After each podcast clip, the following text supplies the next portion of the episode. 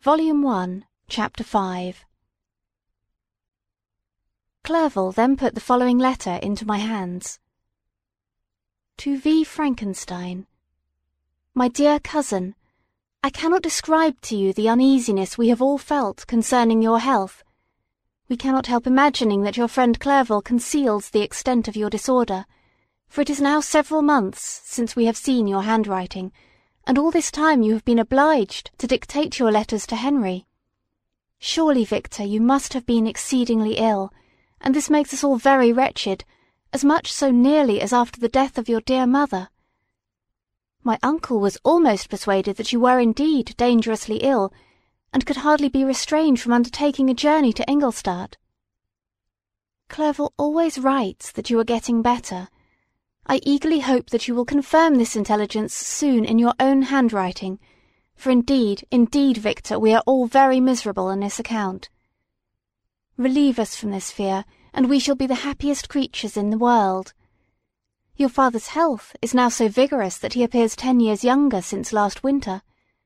Ernest also is so much improved that you would hardly know him. He is now nearly sixteen, and has lost that sickly appearance which he had some years ago he has grown quite robust and active. My uncle and I conversed a long time last night about what profession Ernest should follow. His constant illness when young has deprived him of the habits of application, and now that he enjoys good health, he is continually in the open air, climbing the hills or rowing on the lake. I therefore proposed that he should be a farmer, which you know, cousin, is a favourite scheme of mine. A farmer's is a very healthy, happy life, and the least hurtful, or rather the most beneficial profession of any. My uncle had an idea of his being educated as an advocate, that through his interest he might become a judge. But besides that, he is not at all fitted for such an occupation.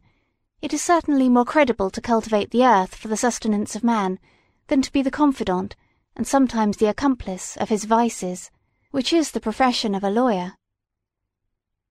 I said that the employments of a prosperous farmer, if they were not a more honourable, they were at least a happier species of occupation than that of a judge, whose misfortune it was always to meddle with the dark side of human nature. My uncle smiled, and said that I ought to be an advocate myself, which put an end to the conversation on that subject. And now I must tell you a little story that will please and perhaps amuse you. Do you not remember Justine Moritz? Probably you do not. I will relate her history, therefore, in a few words. Madame Moritz, her mother, was a widow with four children, of whom Justine was the third. This girl had always been the favourite of her father, but, through a strange perversity, her mother could not endure her, and after the death of Monsieur Moritz treated her very ill. My aunt observed this, and, when Justine was twelve years of age, prevailed on her mother to allow her to live at her house. The republican institutions of our country have produced simpler and happier manners than those which prevail in the great monarchies that surround it. Hence there is less distinction between the several classes of its inhabitants, and the lower orders being neither so poor nor so despised, their manners are more refined and moral.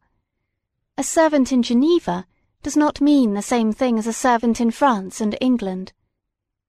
Justine, thus received in our family, learned the duties of a servant, a condition which, in our fortunate country, does not include the idea of ignorance and a sacrifice of the dignity of a human being. After what I have said, I dare say you well remember the heroine of my little tale, for Justine was a great favourite of yours, and I recollect you once remarked that if you were in an ill humour, one glance from Justine could dissipate it, for the same reason that Ariosto gives concerning the beauty of Angelica, she looked so frank-hearted and happy. My aunt conceived a great attachment for her, by which she was induced to give her an education superior to that which she had at first intended. This benefit was fully repaid.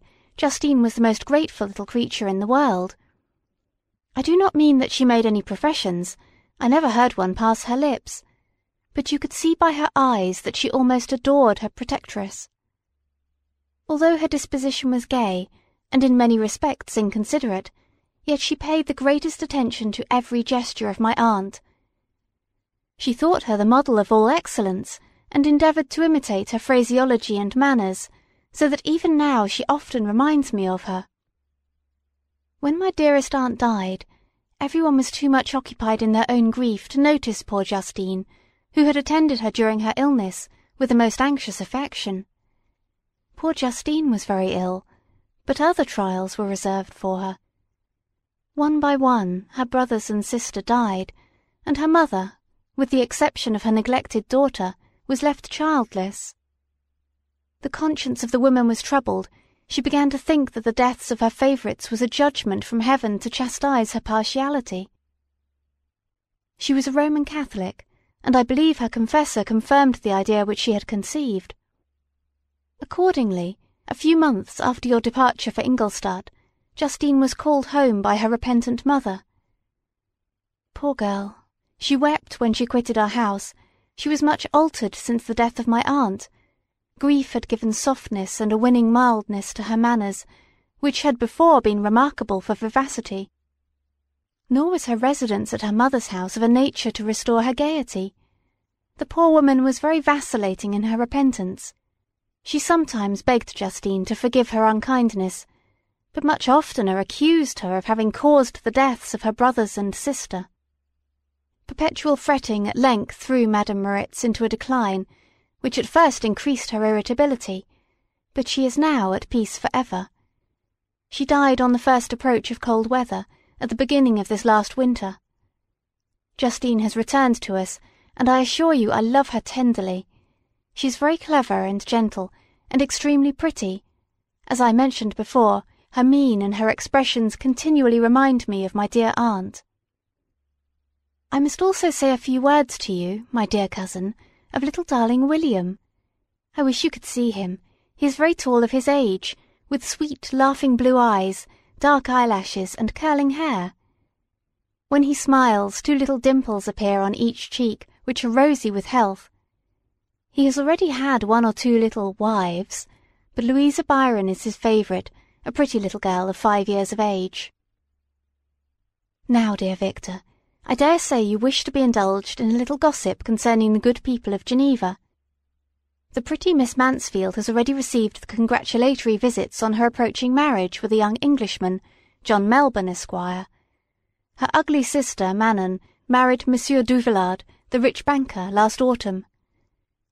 Your favourite schoolfellow, Louis Manoir, has suffered several misfortunes since the departure of Clerval from Geneva. But he has already recovered his spirits and is reported to be on the point of marrying a very lively, pretty Frenchwoman, Madame Tavernier. She is a widow, and much older than Manoir, but she is very much admired and a favourite with everybody. I have written myself into good spirits, dear cousin, yet I cannot conclude without again anxiously inquiring concerning your health. Dear Victor, if you are not very ill, write yourself, and make your father and all of us happy, or I cannot bear to think of the other side of the question. My tears already flow. Adieu, my dearest cousin. Elizabeth Lavenza. Geneva, March 18th, 17 Dear, dear Elizabeth, I exclaimed, when I had read her letter. I will write instantly, and relieve them from the anxiety they must feel. I wrote, and this exertion greatly fatigued me but my convalescence had commenced, and proceeded regularly. In another fortnight I was able to leave my chamber. One of my first duties on my recovery was to introduce Clerval to the several professors of the university. In doing this, I underwent a kind of rough usage, ill befitting the wounds that my mind had sustained. Ever since the fatal night, the end of my labours, and the beginning of my misfortunes, I had conceived a violent antipathy even to the name of natural philosophy. When I was otherwise quite restored to health, the sight of a chemical instrument would renew all the agony of my nervous symptoms. Henry saw this, and had removed all my apparatus from my view. He had also changed my apartment, for he perceived that I had acquired a dislike for the room which had previously been my laboratory. But these cares of Clerval were made of no avail when I visited the professors. Monsieur Waldman inflicted torture when he praised, with kindness and warmth, the astonishing progress I had made in the sciences. He soon perceived that I disliked the subject, but not guessing the real cause, he attributed my feelings to modesty, and changed the subject from my improvement to the science itself, with a desire, as I evidently saw, of drawing me out. What could I do? He meant to please, and he tormented me. I felt as if he had placed carefully one by one in my view those instruments which would be afterwards used in putting me to a slow and cruel death. I writhed under his words, yet dared not exhibit the pain I felt.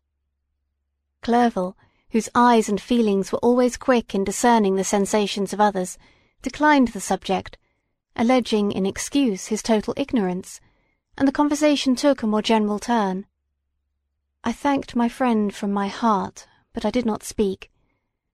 I saw plainly that he was surprised, but he never attempted to draw my secret from me, and although I loved him with a mixture of affection and reverence that knew no bounds, yet I could never persuade myself to confide to him that event which was so often present to my recollection, but which I feared the detail to another would only impress more deeply.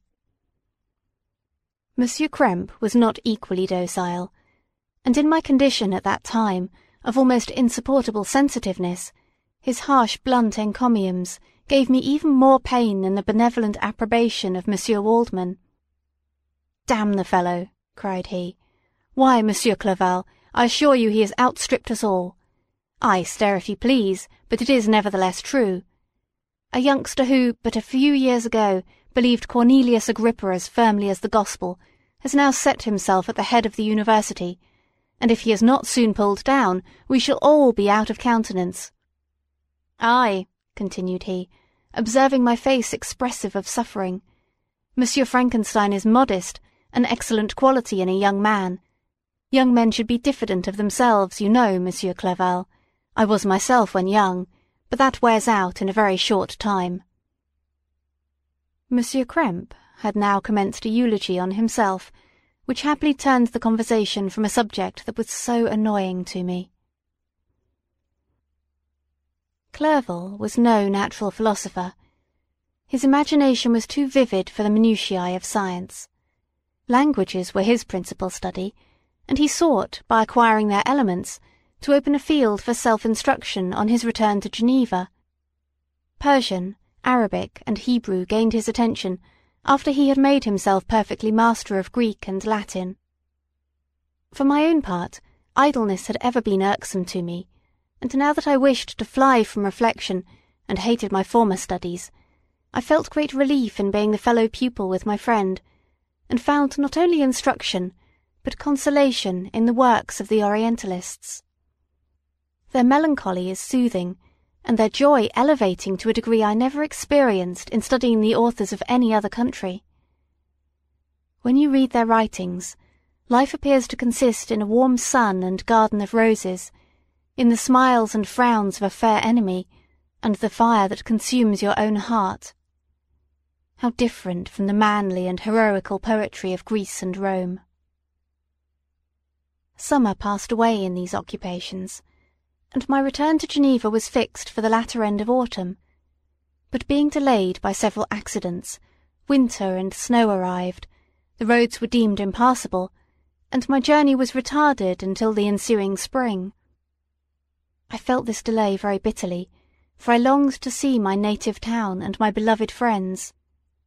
My return had only been delayed so long from an unwillingness to leave Clerval in a strange place, before he had become acquainted with any of its inhabitants. The winter, however, was spent cheerfully, and although the spring was uncommonly late, when it came, its beauty compensated for its dilatoriness. The month of May had already commenced, and I expected the letter daily, which was to fix the date of my departure, when Henry proposed a pedestrian tour in the environs of Ingolstadt that I might bid a personal farewell to the country I had so long inhabited. I acceded with pleasure to this proposition.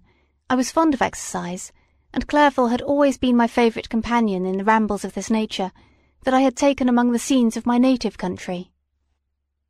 We passed a fortnight in these perambulations. My health and spirits had long been restored, and they gained additional strength from the salubrious air I breathed, the natural incidents of our progress, and the conversation of my friend. Study had before secluded me from the intercourse of my fellow creatures, and rendered me unsocial. But Clerval called forth the better feelings of my heart; he again taught me to love the aspect of nature, and the cheerful faces of children. Excellent friend, how sincerely did you love me, and endeavour to elevate my mind until it was on a level with your own! A selfish pursuit had cramped and narrowed me until your gentleness and affection warmed and opened my senses. I became the same happy creature who a few years ago, loving and beloved by all, had no sorrow or care.